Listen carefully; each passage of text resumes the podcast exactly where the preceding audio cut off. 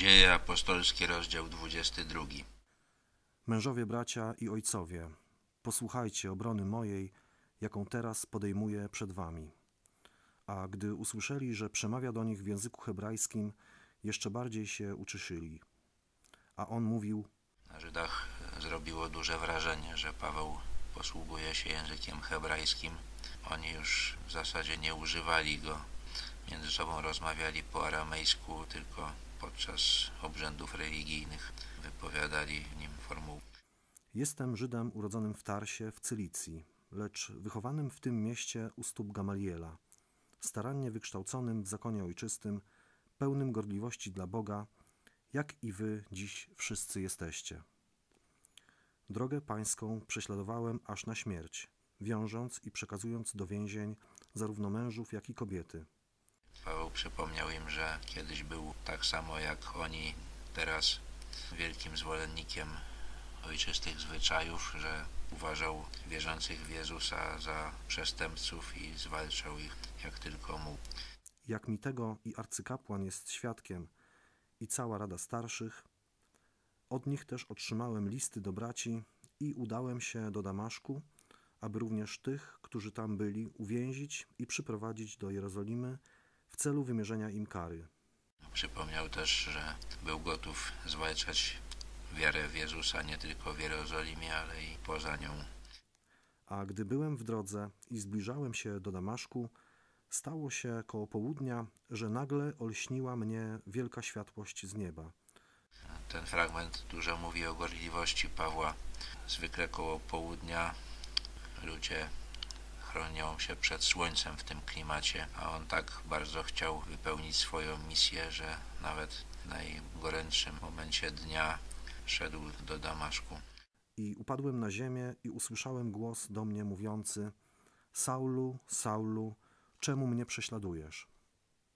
A ja odpowiedziałem: Kto jesteś, panie? I rzekł do mnie: Ja jestem Jezus Nazareński, którego ty prześladujesz. A ci, którzy byli ze mną, światłość wprawdzie widzieli, ale głosu tego, który rozmawiał ze mną, nie słyszeli. I rzekłem: Co mam czynić, panie? Pan zaś rzekł do mnie: Powstań i idź do Damaszku, a tam ci wszystko powiedzą, co ci jest przeznaczone, żebyś uczynił. A gdy zaniewidziałem od blasku owej światłości, prowadzony za rękę przez tych, którzy ze mną byli, przyszedłem do Damaszku. Paweł opisał, jak to się stało, że został zmuszony do zastanowienia się nad swoim postępowaniem i porzucenia swoich poglądów. Niejaki Ananiasz, mąż żyjący bogobojnie, według zakonu i cieszący się dobrym świadectwem u wszystkich mieszkających tam Żydów, przyszedł do mnie i stanąwszy przy mnie rzekł: Bracie Saulu, przejrzyj. A ja w tej chwili przejrzałem i spojrzałem na niego.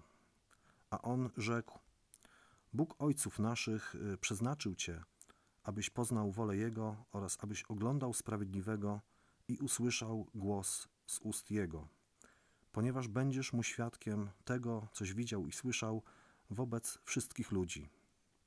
Paweł położył nacisk na to, że Ananiasz był bogobojnym Żydem i właśnie przez ręce kogoś takiego Bóg go uzdrowił i przekazał posłanie i misję, którą ma wykonać. A czemu teraz zwlekasz? Wstań, daj się ochrzcić i obmyj grzechy swoje, wezwawszy imienia Jego. W tym momencie Paweł jeszcze nie był zbawiony. Ananiasz wezwał go do tego, żeby wezwał imienia Jezusa i to dopiero gładzi grzechy, a potem ochrzcił się. A gdy powróciłem do Jerozolimy i modliłem się w świątyni, zdarzyło się, że popadłem w zachwycenie. I ujrzałem, jak do mnie mówił: Pośpiesz się i wyjdź prędko z Jerozolimy, ponieważ nie przyjmą twego świadectwa o mnie. A ja rzekłem: Panie, oni sami wiedzą, że to ja więziłem i biłem po synagogach tych, którzy w ciebie wierzyli. A gdy lała się krew Szczepana, świadka twojego, ja sam przy tym byłem i pochwalałem. I strzegłem szat tych, którzy go zabijali. W rozdziale 9 Łukasz napisał, że starsi kościoła w Jerozolimie postanowili, że Pawła trzeba wysłać poza Jerozolimę. Tutaj pisze, że także sam Paweł miał widzenie, które nakazywało tak właśnie postąpić. i rzekł do mnie: Idź, bo ja cię wyślę daleko do pogan. I słuchali go aż do tego słowa, po czym zaczęli krzyczeć, mówiąc: Zgładź z ziemi tego człowieka, nie godzi się bowiem, aby taki żył. Żydzi słuchali Pawła do momentu, kiedy powiedział, że Bóg posłał go do pogan. Ta myśl, że Bóg mógł wybrać pogan, a pominąć ich, była dla nich nie do zniesienia i zaczęli się domagać, żeby dowódca rzymski zabił Pawła. A gdy oni krzyczeli i wymachiwali szatami i ciskali proch w powietrze, rozkazał dowódca wprowadzić go do twierdzy, poleciwszy przesłuchać go z zastosowaniem biczowania, aby się dowiedzieć, z jakiej przyczyny tak przeciwko niemu krzyczeli. Rzymianin nie rozumiał tego, co mówił Paweł, ani tego, co krzyczeli ludzie, którzy go słuchali. Postanowił przesłuchać go z użyciem tortur, tak żeby się dowiedzieć, o co właściwie chodzi. A gdy go skrępowano rzemieniami, rzekł Paweł do setnika stojącego obok: Czy wolno wam biczować obywatela rzymskiego i to bez wyroku sądowego? A gdy to setnik usłyszał, przystąpił do dowódcy, aby mu o tym donieść i rzekł: Co ty chcesz zrobić? Człowiek ten jest przecież obywatelem rzymskim. Prawo rzymskie zakazywało torturowania obywateli rzymskich i Paweł, podobnie jak już wcześniej Filipi, skorzystał z tego prawa. Dowódca zaś podszedł i rzekł do niego: Powiedz mi, czy ty jesteś obywatelem rzymskim? A on odrzekł: Tak jest. A dowódca odpowiedział: Ja za dużą sumę obywatelstwo to nabyłem. Paweł zaś rzekł: A ja posiadam je od urodzenia. Rzymski dowódca musiał nabyć obywatelstwo rzymskie, żeby dostać się do wojska i zostać oficerem, ale okazało się, że Paweł jest lepszym obywatelem, ma jest obywatelem rzymskim od urodzenia. Zaraz też odstąpili od niego ci, którzy go mieli przesłuchać. A dowódca, gdy się dowiedział, że jest obywatelem rzymskim, przeląkł się i kazał go związać.